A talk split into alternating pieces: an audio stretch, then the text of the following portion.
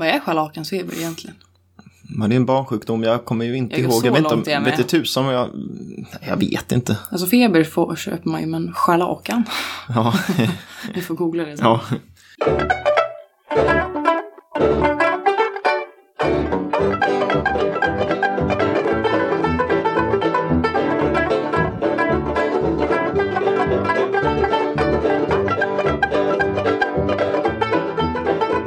Välkomna tillbaka till Designpodden. Yay! Var det en ny vecka och nytt ämne? Mm, som vanligt. Mm, och i, ja, den här gången då så ska vi prata om en, en av de här stora personligheterna inom eh, design under 1900-talet. Vem är det? Det blir ju en till svensk. Mm. En till gubbe. Tyvärr. Ja, Men så är det, för det är flest gubbar. precis. Det, det är ju tyvärr så. Och denna gång är det då Wilhelm Kåge.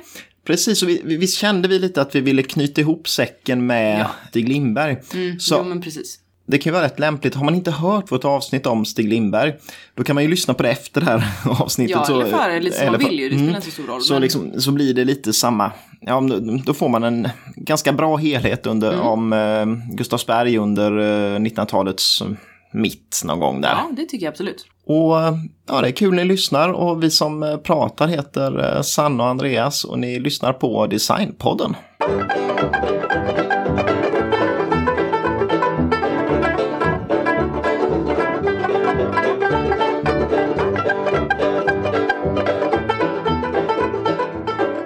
Ja, vi tänkte lägga upp det lite så här att eh, ja, du börjar prata om personen Wilhelm Kåge och sen går jag in lite mer på olika serviser och modeller och sånt. Mm.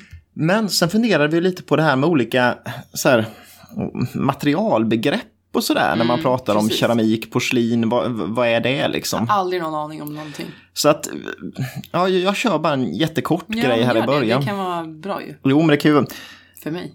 ja, för mig också, det kändes som att när jag kollade upp det här så var det inte alls lika solklart som jag trodde Det är innan. inte det, nej, precis. Lergods, Mm, vad är det då? Ja, lera. förhoppningsvis. ja, nej men lergods är ju liksom den ursprungliga keramiken. När man började göra liksom keramiska föremål. Och den är ju, det som är typiskt med lergodset är att det är poröst material. Och ofta av gul eller röd lera. Och eh, det är kalkhalten som avgör liksom, vilken färg den får. Eh, Men det är typiskt för den är att den drar åt sig vatten väldigt mycket. Och en, liksom, en typ av lera som finns är ju fajans till exempel. Är det lera? Ja, det är lergods eh, och det är det, liksom ett lergods som är, har en heltäckande tennglasyr som då gör att, att inte vattnet tränger in. Mm. Men fajansen är ju känslig så tillvida att om det blir en skada på glasyren så tränger ju vatten in och det kan missfärga och Ja, ta smak och så vidare. Mm. Chamottgods är också en sån här sak man pratar om ibland. Mm. Eh, och det är eh, att man har liksom tillsatt krossad bränd lera i lermassan. Jaha. Så det, det okej. Men det är fortfarande en form av Mm. lergods. Okej. Om man säger. Sen som man ofta pratar om när det kommer till designföremål och sånt också, det är ju stengods. Mm. Och det är ju i huvudsak då lera och som man blandat i kvarts och fältspat och en del andra mineraler i den. Och det som är typiskt för den är att den är ogenomskinlig. Den, Vadå genomskinlig? ja, alltså när man håller upp den mot ljus så ser man inte igenom. Är någon det? Ja, porslin till exempel då som vi kommer till sen är ju Jaha, genomskinligt. Moving on. Ehm, och stengodset är också, det drar också åt sig vatten. Eh, och ehm, traditionellt används i bygg, byggindustrin, liksom i klinkerplattor och liknande. Men också just i det här konstgods som eh, dyker upp och ja, mycket just från Gustavsberg till exempel. Snarare flintgods. Eh, och flintgods är inte en typ av porslin som man ofta liksom slarvigt benämner det som. Utan flintgodsen är ju egentligen en vidare utveckling av eh, stengodset egentligen.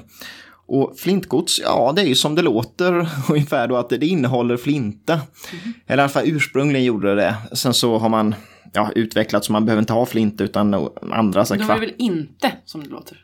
Om det är ju det för att det är ju flinta eller andra kvartshaltiga liksom, mineraler som det innehåller. Så att det är klart det är ju, ja, flinta är en beståndsdel i det. Eh, och eh, det behöver också glaseras för att innehålla vatten, eh, absorbera vatten. Sen kommer man till porslin. Eh, och porslin, eh, det innehåller kaolin som är en vit lera. Och det som är typiskt där är att det är just vitt.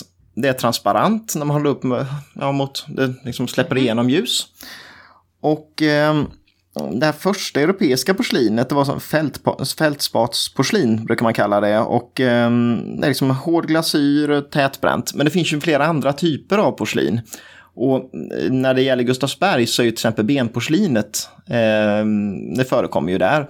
Och benporslin, det är porslin som, ja det innehåller helt enkelt ben, alltså bränd alltså benaska. Och nästan upp till 50 procent benaska. Och det som är typiskt med benporslinet är att det är extremt hårt. Så att det är sällan man ser naggade föremål i benporslin. För att det är, liksom, tål stötar extremt bra. Men det här är ju lite av det och sen kom vi in på lite mer de här, ja, Ja, du gör. Farsta godset och så vidare. Men det kommer vi in på senare här. Bra, bra, så att eh, vi kastar oss in på Wilhelm Kåge. Mm, the person.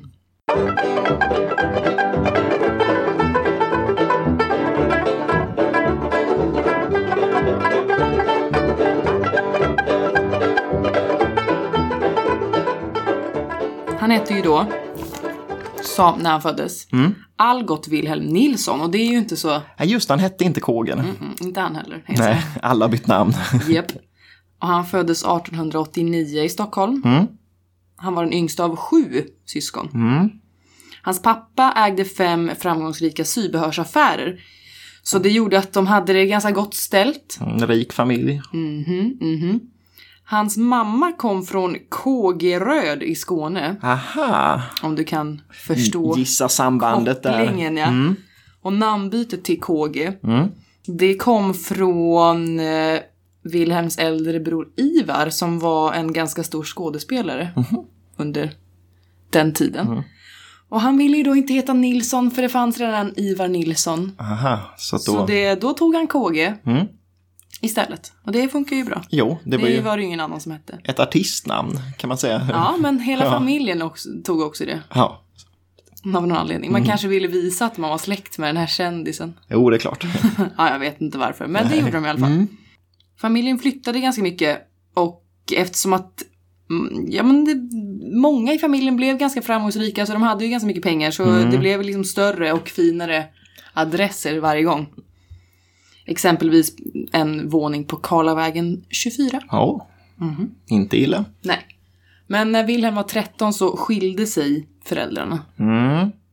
Jag känner kopplingen till Malmsten. Ja, det känns väldigt likt Karl Malmstens historia som vi pratade om förra Mm. Är den avsnittet. tidiga där. i alla fall? Ja, var just det där. tid Rik familj, samma familj, föräldrarna skilde sig. eh, Han ja. föddes ett år efter Malmsten, de bytte namn. Ja, just och det. så kommer vi till en annan grej som också är väldigt lik. Mm. Det var ju då att Stockholm under den här tiden var ju väldigt under utveckling. Mm. Och det var, moderniteten var i fokus tiden. Mm, Allt skulle vara så modernt Ja, och så. Och vissa gillar ju det, vissa gjorde inte det helt Nej. enkelt. Så K, nej inte K, jag ska kalla honom Wilhelm för det är lite mer personligt. I alla fall, han kom att söka sig till motsatsen då jaha till den här ja. moderniteten. Så allmoge, slöjden och folkkulturen och Mm. så vidare. Exakt som eh, Mm. Karl Malmsten också då ja. Båda gillade att gå på Skansen också tydligen. Jaha, ja. Trevligt. Wilhelm trivdes i skolan Mm. och teckning var hans favoritämne som han också tog kvällskurser i. Mm. Ja, han hade ju då sex äldre syskon. Ja, just Så det. hemmet var väldigt ofta fyllt med vänner Mm. till dem. Det blev ändå ganska kända människor i och med Ivar som var skådespelare och det, blev, det var liksom författare och konstnärer och skådespelare och, Mm, just det. och så vidare. Så det var en väldigt eh, konstnärlig miljö Mm. som han fick växa upp i. Och de hade livliga diskussioner och han höll sig vaken sent på kvällarna bara för att så här, vara med, fast Mm. han inte orkade egentligen. Så det lär jag ha påverkat ganska mycket. Ja, det är klart. Hans karriär då Mm. började med att han målade skyltar och affischer till en slakteributik. Som gav honom lön i hundmat till hans hund Lady. Ja, det är ju bra. Det, tyckte är jag var dyrt. fint. Ja men det är väl jävla drive han hade. Ja. Det gillar jag. 1907 började han studera på Tekniska skolan och då vet vi vad det är. ja, vi behöver inte gå, Konstfack. ja, vi behöver inte gå in på det igen. Nej. Men han stannade bara där i ett år. Mm. Han gillade inte heller det här liksom, teoretiska riktigt. Han var mer praktiker kanske. Ja, det, nej det var inte riktigt hans grej. Så tydligen flyttar han istället till Stocksund med sin mamma. Mm. Och 1909 får han scharlakansfeber som han nästan dör av. Han överlever ju det i alla fall, obviously. Och 1910 börjar han på Valands konstskola i Göteborg. Mm. Under målaren Carl Wilhelmsson. Där eh, går det bra. Mm. Och han fortsätter utbildningen i Köpenhamn. Och där träffar han faktiskt och blir vän med Gan. Jaha, så att det, han har ju många stora namn runt sig där. Men inom konstbiten Mm, precis, mycket då. mer det i början ja. Gösta Adrian Nilsson alltså om man, ja, mot förmodan inte Vet. vet vem Gan är. Ja, Det lät jag väldigt nedvärderande, det var inte meningen. nej. 1913 dock, då utbildar han sig i litografisk teknik. För han bestämmer sig för att fo- fokusera på affischer och reklam. Mhm. Och det var ju en ganska ny konstform ändå, Ja. i det offentliga rummet och så vidare. Och i och med de här känningarna då han hade i nöjesvärlden genom syskonen och brorsan där, Ja. så blev han ganska snabbt en av de mest anlitade reklam och affishtecknarna Mm. i stan. Hemma i Stockholm igen då. ja. Och det här, det här är ju en skum story, men hur han då fick kontakt med Gustavsberg, Mm. det var alltså genom att Svenska slöjdföreningen drev en förmedlingsbyrå Jaha. mellan industrin och konstnärer. Mm. Ja, det visste jag först och främst inte. Nej, nej, jag hade ingen aning om. Och det var en Elsa Gullberg Mm, som jo. drev den, ja precis.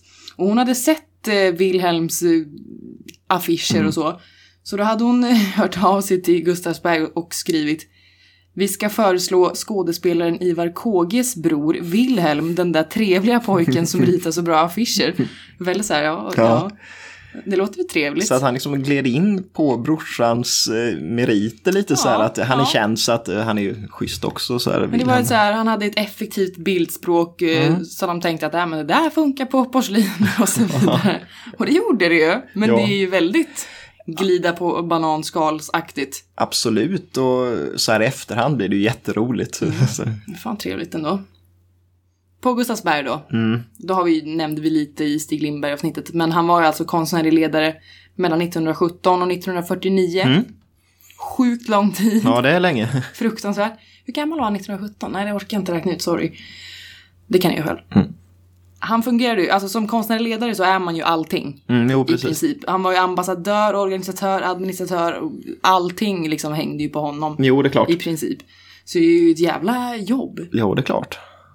Han hade ju en väldig auktoritet där så att arbetarna neg ju när han gick förbi och Mhm. ja, höll, höll käft liksom. han bara tittade på han. Men han ska ändå ha varit väldigt så här down to earth. Han, Mm. han hade en väldig utstrålning tydligen och självsäkerhet men på ett ändå trevligt sätt. Inte så här överlägset. Nej, till, till skillnad från Stig Lindberg då Ja, kanske som vi hur, pratade om. så. eh, Ja, Precis, så det var lite det jag ville betona med det. Inte för att välja sida va, Mm. Nej. men ja, ja, ja. Dock kunde ju även han vara på dåligt humör va? ja. Då kunde han komma fram och klaga på om det inte var riktigt städat på arbetsytorna. Mm. Och så om det var, om det var lite misslyckat i, i något gods där, då kunde han slänga det i golvet och vara riktigt så här tjurgubbe. ja. Men men. Man ska inte slarva tänkte Och han. det hör väl till kanske lite i den rollen sådär att man... Ja, och det var ju ändå, han ville ju bara Gustavsbergs bästa hela tiden. Mm. Han ville ju inte skicka ut något halvdant. Nej. Då går det ju åt helvete. Och också just Oj. att det står ja men liksom det, stå, det är ju han som ändå står för det på något sätt och då vill han ju Ja. inte att det ska vara eh, dåligt Nej, gjort. så det köper jag. Mm. man behöver inte vara sån heller riktigt. Men, men. Det kan jag unnan. Ja. Och då nämna Stig Lindberg lite snabbt också, fast från liksom, ja, En annan från vinkel. KGs vinkel. Mm. Han anställdes ju då 37 som vi har sagt. Mm. Och deras relation var ju från början att, att Wilhelm var Stigs mentor. Ja. Och det gick ju väldigt bra Mm. ett tag i början. Det var lite upp och ner, men eh, när han tog över då som konstnärlig ledare 49, då blev det ju väldigt infekterat. Ja. Eftersom att då Wilhelm jobbade kvar där fortfarande. Mm. Undrar varför egentligen? Det känns som att han borde liksom sluta på topp då nästan. Mm, Ja, men det man förstod var väl lite att eh, vad man har läst i alla fall så ville väl KG mer syssla med det här konstnärliga skapandet Mm, och inte inte det här ledningens Nej, eh, så riktigt. Mm. I alla fall så ska ju Stig ha varit lite så här retat han nästan lite Mm. för att han tyckte att att Wilhelm var väldigt hård mot honom i början och så. Mm. Jo, tog han igen lite så här, det är ju omoget som fan. Ja, gud. Men som sagt, man behöver inte välja sida. Nej, Men jag föredrar Wilhelm. ja. Det gör det ändå. Skitsamma. Moving on.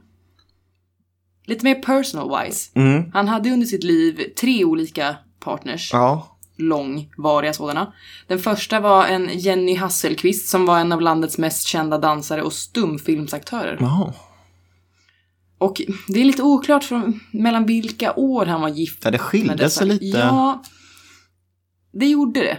Så jag vågar inte riktigt säga och det spelar inte så stor roll. Men ungefär liksom. Ungefär i början på 20-talet, något år där, Mm. var han gift med henne, inte länge. Nej. Sen träffade han en Lilian Rössel som också var skådespelerska. Mm. Och de höll ihop mycket längre, nästan 20 år ungefär. Ja. Och vid mitten av 20-talet så hittade de ett hus, eller ett ruckel på, på Fjällgatan 29 på Söder. Ja. Och där har man ju utsikt över hela, hela liksom stan mot, mot Grönan och så. Ja, det hade varit billigt idag det där rucklet. Ja, ja, ja, för fan. Och de blev direkt så här kära i det och tänkte bara här ska vi bo. Mm. Men det var ju väldigt risigt och hade fungerat som jättemycket olika typ stall och lite så här snickeri. Jaha, mer så, inte bostad Precis. riktigt. Så de var tvungna att väldigt renovera det innan. Mm. Tre månader tog det ungefär att renovera innan det var beboeligt. Mm.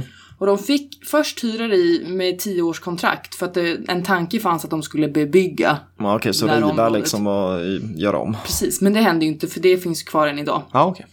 Men alltså, tio års kontrakt är ändå jävligt länge. Ja. Även om man vill kanske inte lägga ner för mycket pengar på att renovera då om man inte vet om man får ha kvar det sådär. nej, nej, det är väl lite risky men, men det, det bjussar de på. Ja. Och huset blev ju en, en mötesplats för de hade ju väldigt mycket vänner och det var konstnärer och liksom allt möjligt och fabrikens arbetare och besökare och alla hängde där. Det var väldigt, de var väldigt sociala. Mhm.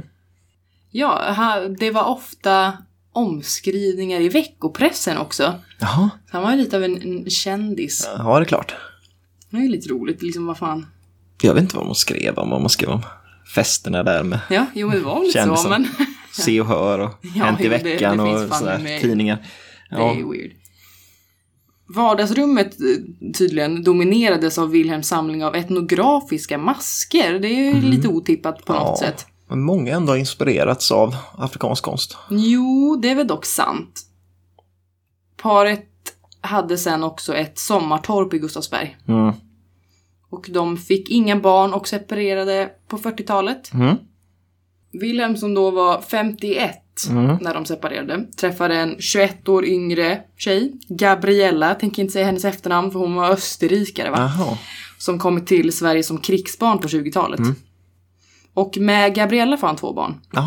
Kristina som är född 42 och Anders 44. Mm.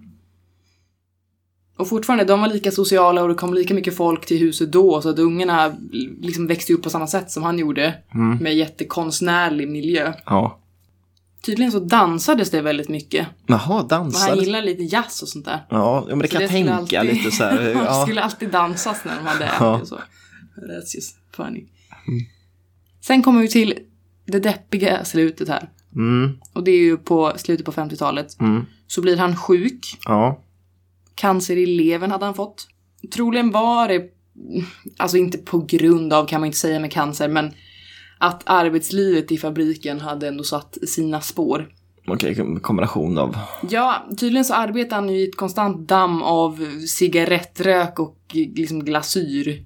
Som, ja. Och båda två är ju ganska dåliga för kroppen givetvis. Ja.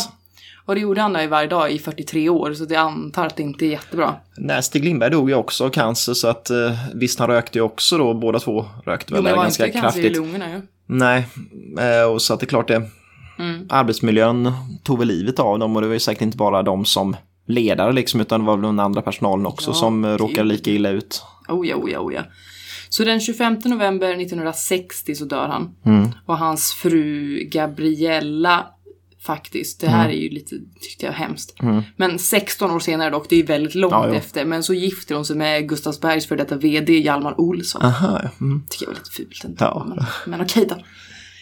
93 så såldes faktiskt lösöret från hans hem. Jaha. Som hade stått i princip orört Mm. sen 20-talet. Han ändrade inte så mycket hemma. Nej, så att det var såg likadant. ut som ja. det gjorde liksom.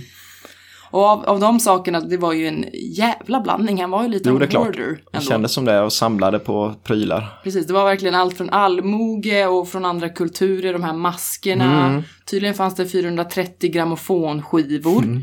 Massa olika serviser, det är ju inte så himla chockerande. Nej. Samurajsvärd, Ja. ett par kanoner. Mm. Och en akvarell av Grünewald och så vidare. Det, ja, En jävla det blandning. har gått och blandat Ja. helt enkelt. Så jag kan bara ta en sista anekdot som jag tyckte var lite fin ändå. Och det var Mm. ett, ett halvår innan han slutade som konstnärlig ledare. Så skrev formgivningseliten, det stod det i boken, det är faktiskt inte mina ord. För jag har inte riktigt koll på de andra personerna för de har vi inte gjort avsnitt om än. Nej. Gregor Paulsson, ordförande i Svenska slöjdföreningen. Mm. Erik Wettergren, överintendent på Nationalmuseum. Mm. Åke Stavenov, rektor på Konstfack och en Åke Hult, rektor på Slöjdföreningens skola, skrivit brev till kung Gustav V. Ja. För de ville att eh, KG och Edvard Hall på Orrefors skulle tilldelas professortitlar. Ja. Det är ju lite fint. Ja, de det bara, det. Okej.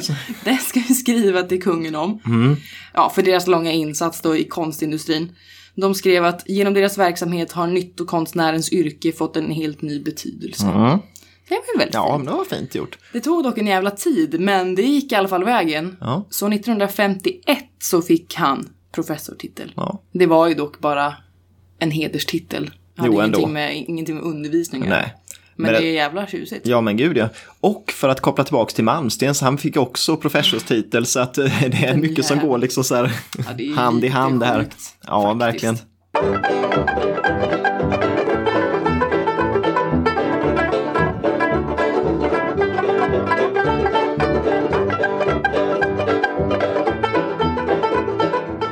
Innan vi går vidare här så kan det vara liksom lämpligt att nämna vilka källor vi använt oss Men av. ja, det har vi inte gjort ännu. Nej, och där har vi bland annat använt oss av två böcker. Mm. Den ena eh, skriven av eh, Gisela Eron och den heter Wilhelm Kåge, keramikens mästare. Mm. Som skrivit, vi eh, läst en bok av eh, Petter Eklund som heter Wilhelm Kåge, formgivare i folkhemmet. Och båda de liksom en bra eh, helhet om Oh ja. både personen eh, Wilhelm Kåge och eh, hans eh, verk. Så att eh, de kan vi ju rekommendera båda två. Mm. Absolut. Och där tänkte jag gå vidare lite mer på föremålen om man säger va. Och tänkte börja kring eh, serviserna, de vanliga liksom så här bordserviserna. Och det var väl lite så här att, för jag menar, KG ritade kring 30 serviser och 200 dekorer så att det här blir bara en litet nedslag i några som jag tycker känns viktiga i sammanhanget ändå. Va? Men, Absolut.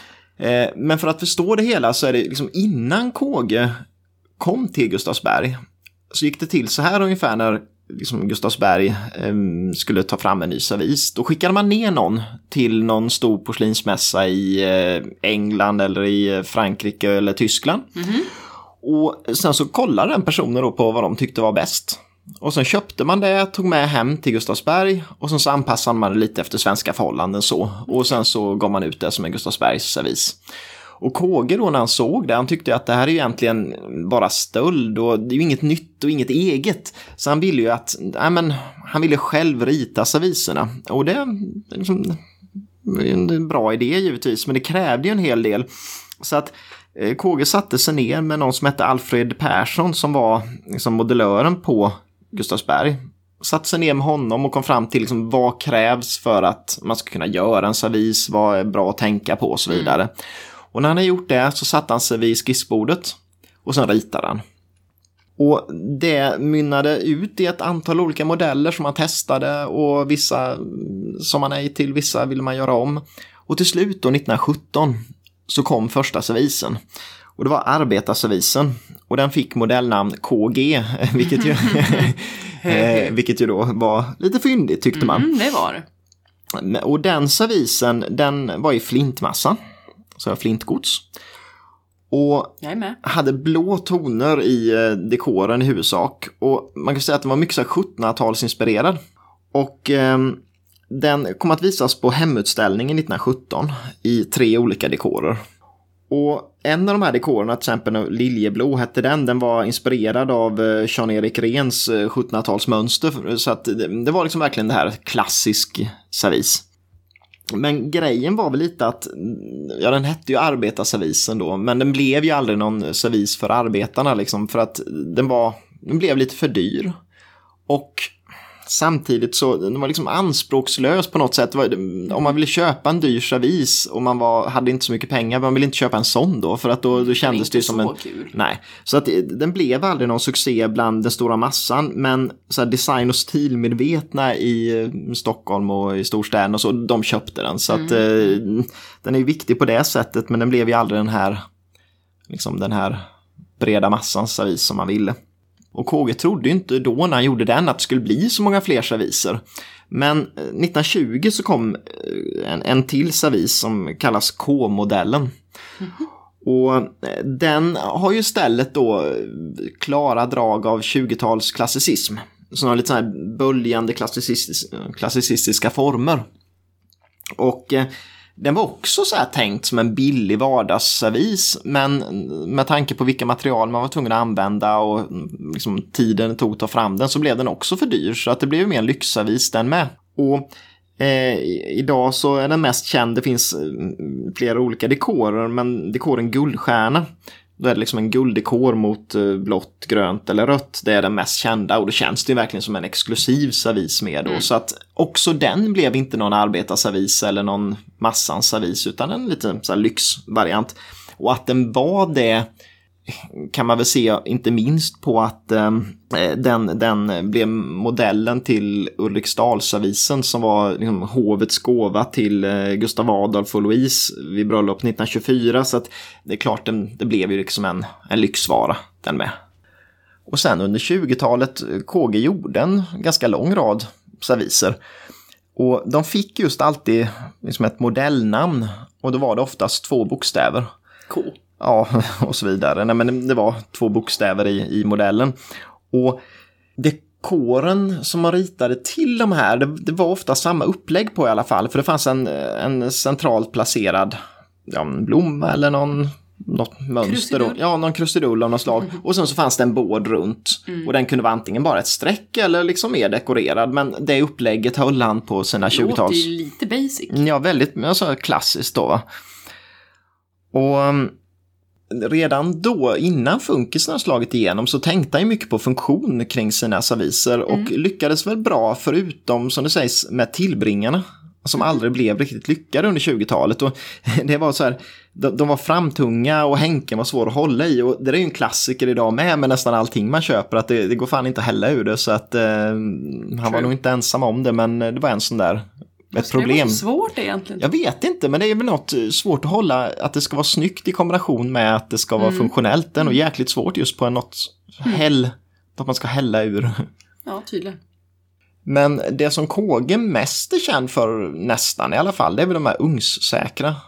Pyro. Ja, och det är väl just återigen, Stockholmsutställningen 1930, då presenteras mm. Pyro.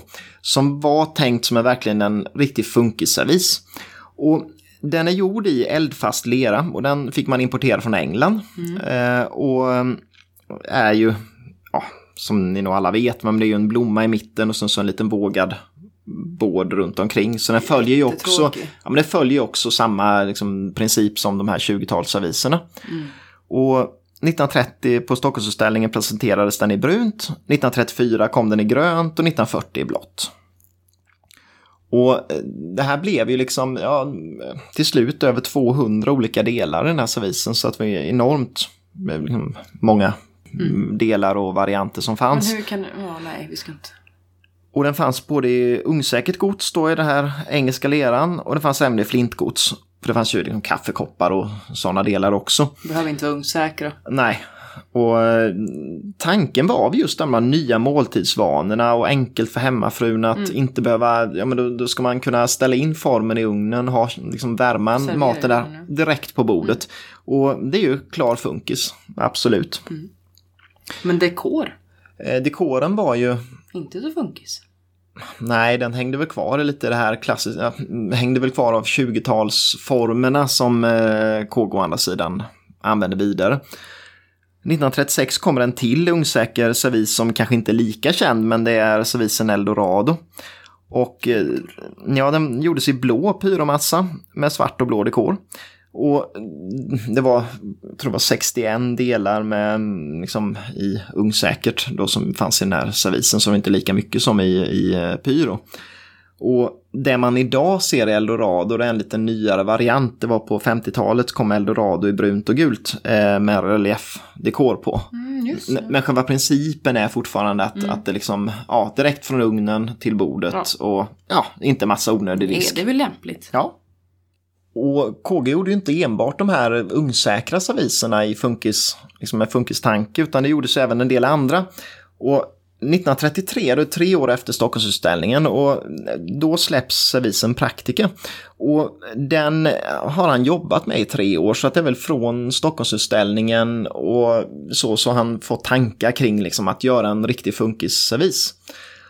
Och så 33 eh, presenteras Praktika på, i Gustavsbergs butik då i Stockholm, så det blir ingen jättestor utställning kring den, men tanken var att, att liksom, en servis för ett litet trångt kök. Ja, det är ju Stockholm. Och tallrikar som kunde staplas över skålarna till exempel. Och även alltså, tallriken gick att använda som lock till skålen. Och det är ju ja, verkligen precis så här funkistanke med den rakt igenom. Och det fanns även sådana här specialkärl med, liksom med, med handtag som till socker och till kryddor och så vidare då va. Eh, Och från början var den helt odekorerad så att det hade ingen dekor alls. Och det känns väldigt också så här funktion snarare än, än form. Men sen kom det även tre enkla dekorer till den. Och ehm, ja, grejen var väl lite att den blev aldrig riktigt en storsäljare. Och varför? Ja, det, möjligen var det väl för mycket funkis. Mm. Liksom då, det, liksom de som var stilmedvetna fattade det men inte de liksom, Massan. Nej, precis. Sen då, 1938, då kommer den servisen som blir eh, liksom KGs liksom storsäljare och den som eh, håller sig kvar i liksom, folks medvetande jättelänge. Och det är ju den här modell WB, VB, eh, de mjuka formernas servis. Och den har nog många sett. Ehm, den är eh, den mest typiska är kanske skålarna som har liksom, de är lite tilltryckta upp till, de har som en midja uppe vid eh, toppen då om man säger.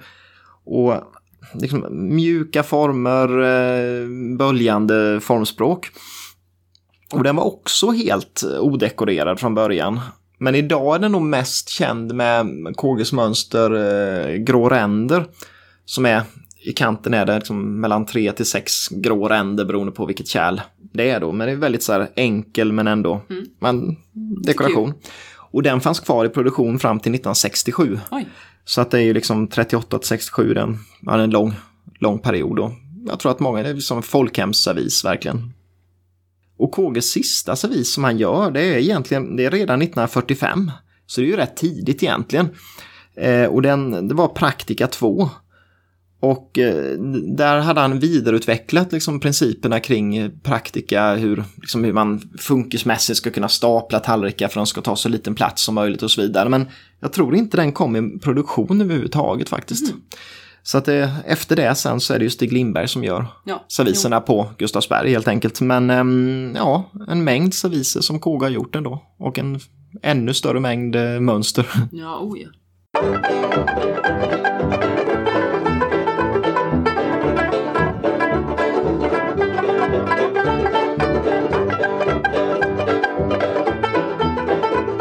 Men eh, om man tänker på KG så är det väl en, en sak som man tänker på mest Argenta. kanske. Ja, Jag orkar inte ens vänta på att du skulle få... nej, Argenta. Eh, Det, det, är det ju. Och det var så att på 20-talet så experimenterade ju KG med gulddekor på porslin. Och inspirationen kom ifrån bland annat Persien och Spanien där man målade med guld på, på godset.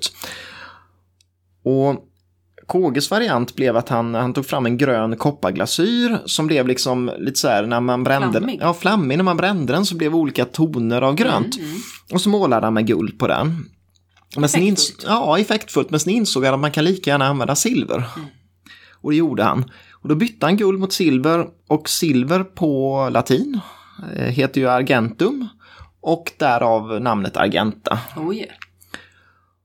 Och när kan eh, Argenta ha presenterats? På vilken utställning? Jo, då, Stockholmsutställningen 1930 presenterades Agentan. Och Agentan, eh, godset där var först flintgods, men sen använde man även pyromassa och sen blev det stengods. Vad var pyromassa då? Ja, det var den här engelska leran som var Ja, ja, ja. eldfast. Mm. Och de första agenterna, om man säger det, det var ju hög kvalitet och väldigt exklusivt. Det var eh, Friberg och en Walter Johansson som var drejare på Gustavsberg då, som handdrejade dem. Och KG själv som eh, målade silverdekoren. Så det är ju väldigt exklusiva eh, föremål naturligtvis. Men efter ett tag, det blev väldigt populärt och eh, KG kunde inte sitta där och måla alla för hand själv då. Va? Så att eh, då, då anställde man silvermålare som överförde originalteckningarna på godset. Man liksom kalkerade av det här och sen målade man på. Och till slut fanns det en stor Argentasal som man kallar den då på, på Gustavsberg där silvermålarna satt och, och målade och KG gick runt och inspekterade tydligen då va. Och det var så här silvermålare man ansvarade för att penslarna skulle hållas i god schack och så vidare. Såklart. Mm. Och silvret, det var ju liksom en, när det målades var det en grå smet egentligen och då var det pulveriserat silver och en liksom keramiska oljor i det här. Men silver Ja, det var silverpulver. for real silver. Ja, ja, silver. Så att det var ganska exklusivt, ganska dyrt. Eh, och det här målades på. Eh, och jag tror att traserna som användes, de återvanns för att man skulle kunna återvinna silvret ur dem. Så det är, det är dyrt ändå, med tanke på att volymen var stor så var det ju väldigt mycket silver som gick åt till, till målningen. Och när man hade blom, liksom, eh, målat på det här så godkände KG att ja, men det här ser okej ut. Och då gick det vidare till bränning och det brändes i 640 grader och kom ut ifrån eh, från ugnarna. Och sen skulle det eh, poleras.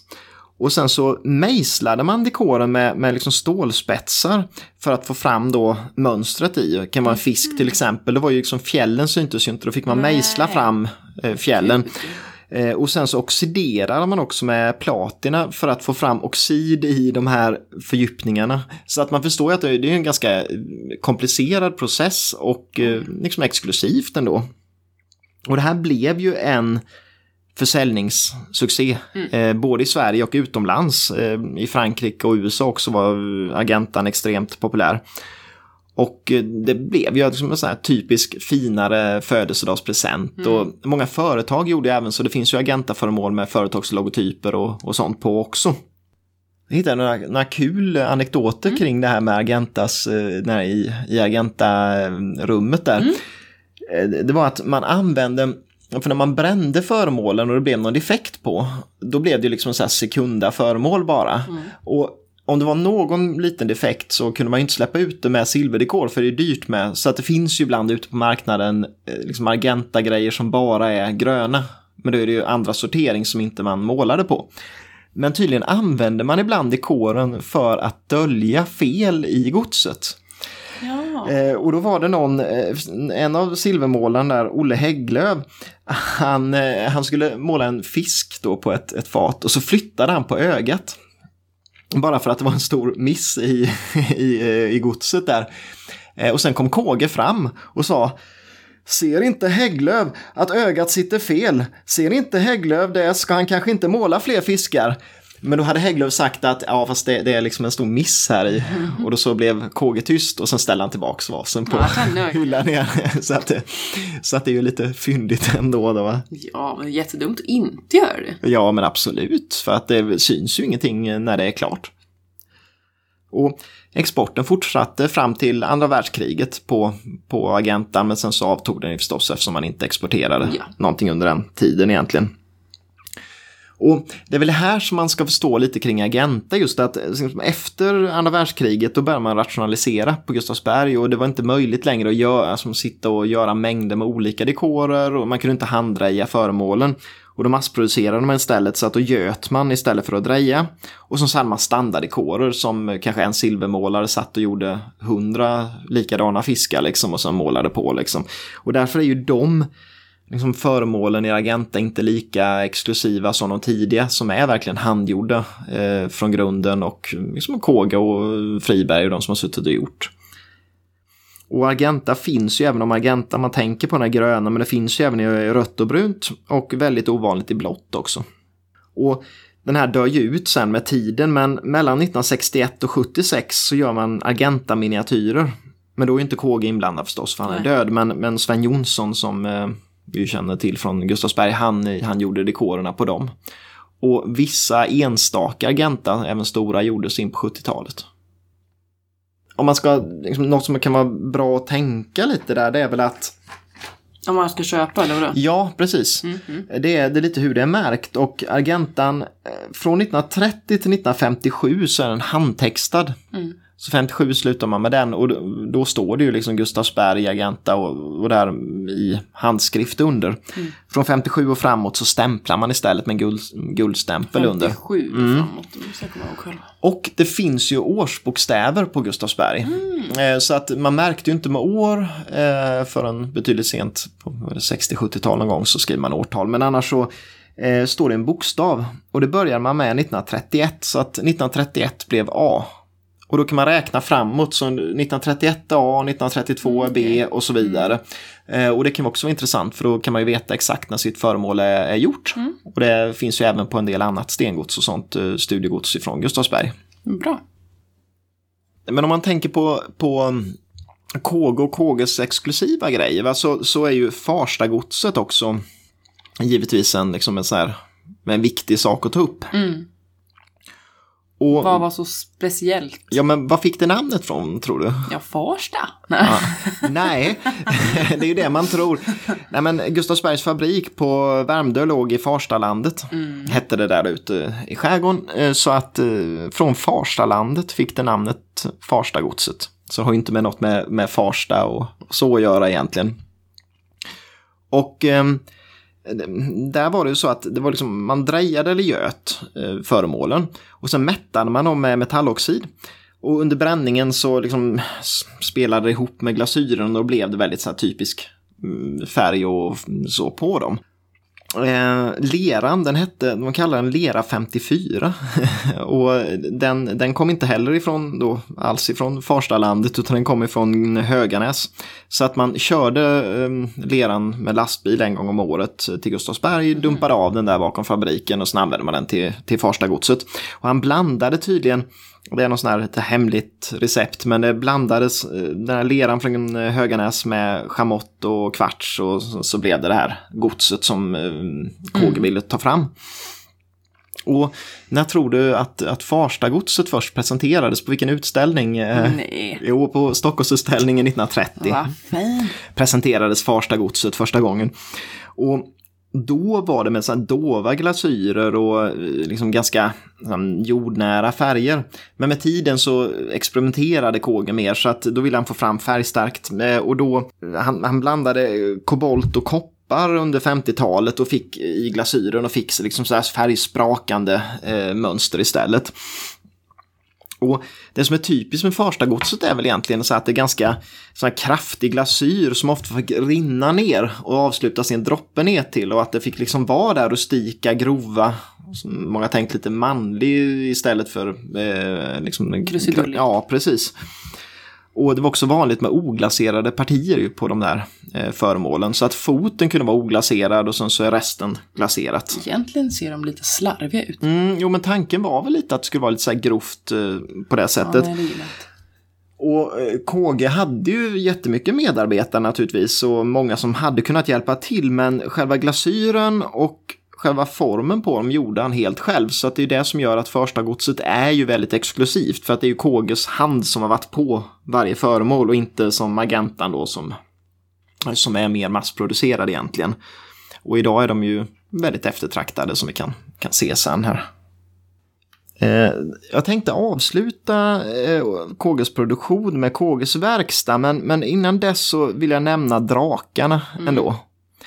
För eh, jag tror många har sett de här. Det är eh, till exempel då eh, drakvalpar och drakmammor som man kallar det.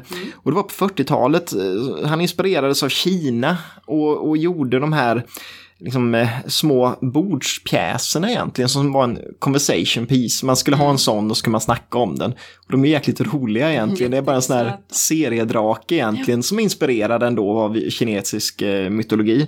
Och de finns bland annat i Argenta till exempel. Så finns det i Argenta eh, drakvalp liksom. Så. ja. Och eh, även gjordes då drakfiskar 1953 tror jag det var. Och eh, de gjordes ju i Farsta gods och tänkta som vaser.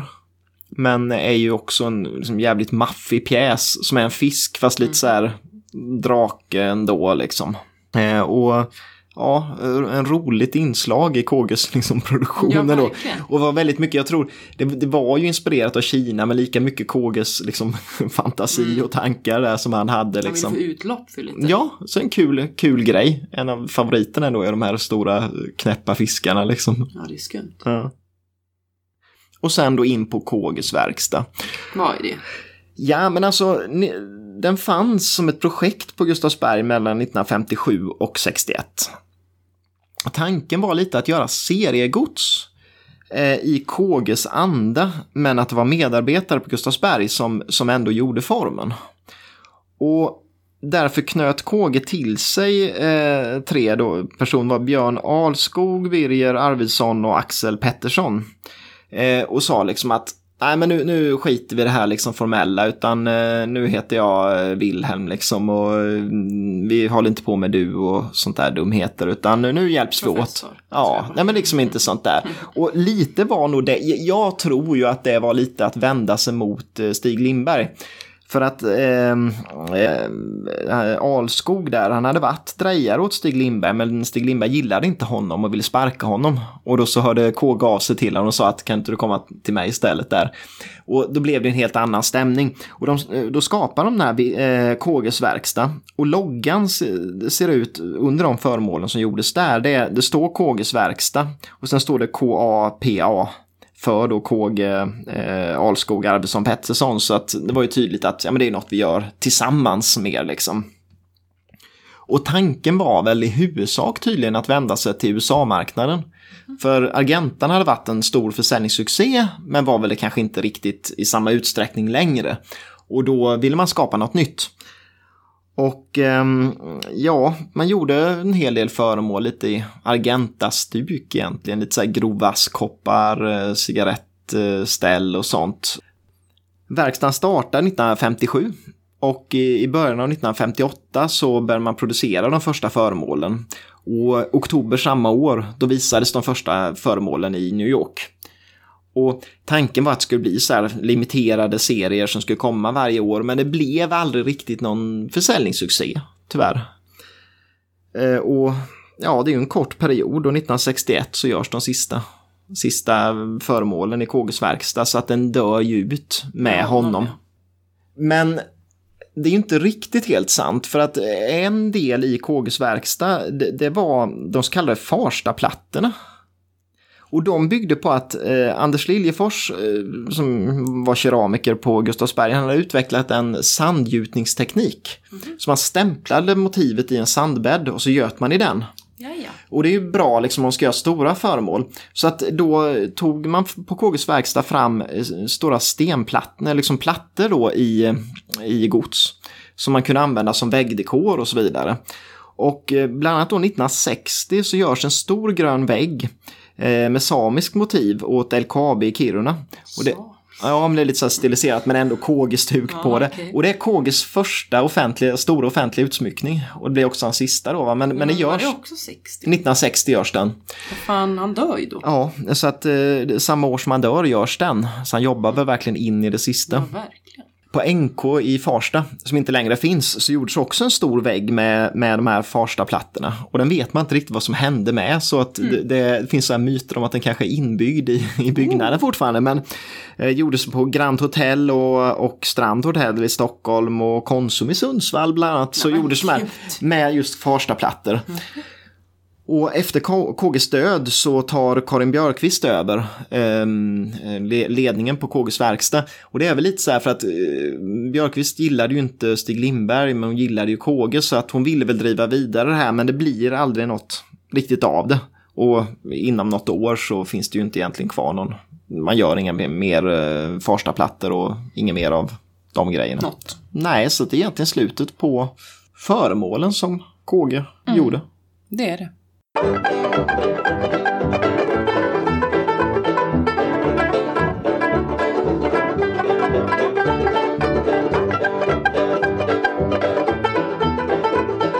Ja, som alltid pratar vi lite om, om klubbslag på Ja. auktion och nypriser och så när vi kommer till, till olika formgivare. Men det finns det inga. Alltså nypriser. Nej, för visst görs inget av KGs grejer längre va? Ej. Så det blir inget med det. Men auktion som vanligt. Ja, Och jag orkar inte ta jättemånga specifika exempel. För det Nej. finns så sjukligt många. jo det är klart för att Agentan och allt det här är ju Agent är massproducerat. ju otroligt vanligt på auktion. Jo men exakt. Det, det ser man ju varje vecka i princip. Och det är ju också helt jättespridda klubbslag. Jo men precis, säkert beroende på just om det är en tidig eller om det är de här mass... Självklart. Så att jag har alltså allvarligt skrivit att det går mellan 500 till 20 000 ungefär. Mm. Så det, ja. Men det är väl lite där, säga. de dyrare Agenta-föremålen är ju de liksom, tidiga praktpjäserna med Ja, en lite större bra... Ja, och uppenbarligen mer genomarbetade. Sånt kan man ju fatta själv. Liksom. ja, Men ja, går inte att säga specifikt. nej. De här skulpturerna också du tog upp lite. Drakarna där. Ja, Ja. och, och va- valp och... Drakvalp och eh, drakmamma och drakfisk. Det ser man inte jätteofta. Nej, Men det förekommer ju som allt Mm. annat. Och eh, drakvalpen brukar klubbas för ungefär mellan 5 och 30. Så det ja, beroende också, på. Men de gjordes ju väldigt många olika former och Mm. sådär. Men eh, inte så många exempel under 5. Så det är ju Nej. det är ju ändå mycket pengar för en... En liten skulptur. Ja, den har, inget, den har inget syfte med Nej, de, och de är inte söt. många, inte många centimeter höga. Så att, eh, Nej, precis. Drakfisken då, som du gillar. Mm. Eh, det är ju faktiskt den dyraste som jag har hittat på Ja. auktion. Eller de två dyraste noteringarna jag har hittat är den här jäkla på KG. fisken. ute, Ja. Ja, på KG. Ja.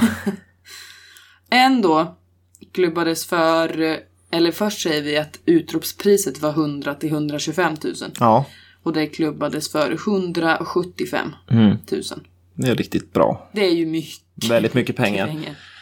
Men de är ju enorma. Ja, de är jättestora och jättefina och i första gods. Mm. Och det var 2007. Mm. 2011 kom det ut en snarlik och då hade man höjt utropet till 125 till 150 000. Förstås. Ja, men då klubbades den för 160. Mm. Nu fortfarande. Väldigt mycket pengar. Mm, oh ja. Så det blir ingen drakfisk för mig. Nej, det blir ju inte Nej, det. det blir inte det. Men eh, visst, liksom det, det är de skulpturerna som är dyrast. Mm. Och Farstagods är inte heller jättevanligt. Nej, det är väl just det där att det, att, att det var det han hade mest kontroll över själva. Så Mm. Precis. att han ville ha fingret med hela tiden i Så det, det är ju också de högsta noteringarna på, Ja. på just. vaser. Och, Det är ju också väldigt uppenbarligen olika, men mellan 60 och 100 var, var vanligast då. Mycket vaser. mm, och de här stora mm, praktvaserna. Sen vill man ha Farsta gods går det ju att få tag i askfat för 2000 spänn och sådär också. Precis, Liksom. precis. Det finns ju alltid i alla liksom ranges så att Mm. säga. Sen, nej, men jag går inte in på mer specifikt. Det är liksom, man kan få någonting av KG från 500 spänn upp till 100 Mm. fucking tusen. Och det jag tycker man kan nämna just med priserna på KG det är att det är så jäkla beroende av Alltså det räcker ju inte att, hur mycket han har haft med det att göra och hur rätt det är. Alltså en snygg klotvas i Argenta med en fin drake på. Den är ju inte billig liksom. Nej. Men sen så ett askfat som det står KF på och sen så kongress 1964. Det är ju inte någonting som kostar någonting liksom. Nej. Så att det, det är ju det är verkligen eh, hela spannet. Verkligen. Absolut. Men som sagt, Argenta är vanligast så det är ju absolut lättast att lägga vantarna på tänkte jag säga. Det var ålderdomligt men det säger jag ändå. Ja, men absolut. Ja, och det var väl ungefär det vi hade. Det säger du varje Ja, gång. varje det är inte gång ungefär, det är det Ja, vi det är hade. det vi hade. ingenting mer. Eh, och det finns så otroligt mycket mer att säga. Ja. Eh, men då kan man ju till exempel eh, läsa de här böckerna som vi har läst. Ja, och det finns fler. Ja. Eh, och han, liksom, jag, om man tänker på det här nu med, med Kåge och Stig Lindberg och, och alltså om man summerar de båda avsnitten Mm. så är det ju så roligt för de känns ju som extremt olika personer. Motsatser. typ. Och där Stig Lindberg känns som en, jag skulle kalla honom en osympatisk människa. Jag med. Medan KG istället på sin tid då att lägga av titlarna och vara väldigt du med folk och, Mm. och så. Eh, Det var liksom en helt radikal motsats och ehm, det är liksom roligt att se. Mm, Och sen oj. så vet jag inte om det haft någon, man ser ju ingen, man ser ju inte det i formspråket på något sätt däremot. Nej, vad hemskt man ser personlighet. Jo, men det, alltså, jag ritar inte några så här Gestapo-gubbar på Stig Lindbergs grejer och så, utan nej, men, men där rundar vi upp. Men däremot tycker jag vi kan återkomma till eh, Karin Björkqvist till exempel och de här någon gång liksom ja, längre det är fram. väl kul att sammanfatta hela Gustavsberg Absolut. också. Eh, Men ehm, eh, veckans avsnitt är i alla fall slut. Mm, jag är nöjd. Eh, Ja, jag är nöjd också. Eh, Tycker att jag har lärt mig mer om, om eh, Willem Kåge än innan i alla fall. Ja, det Ja. Och om alla dessa olika gods. Ja, precis. Och olika modeller och så Mm. som, som gjordes. Och ehm, om, som vanligt så får man gärna höra av sig till oss om man har Oh ja. några frågor eller synpunkter eller eh, idéer sådär. Jättegärna. Eh. Designpodden gmail.com. Yes, gå in på Instagram, där heter vi Designpodden och Facebook heter vi också Designpodden. Ja. Så att eh, hör gärna av er. Och eh, nästa vecka så kommer vi tillbaks på torsdag som vanligt igen. Det blir en till gubbe, kan vi Ja, säga. det blir en till gubbe. Eh, och ja, Nu slutar så jag vi. hoppas att ni är jäkligt nyfikna på vad det handlar om. Så, ja, ha det så bra så länge. Vi hörs nästa vecka igen. Bye.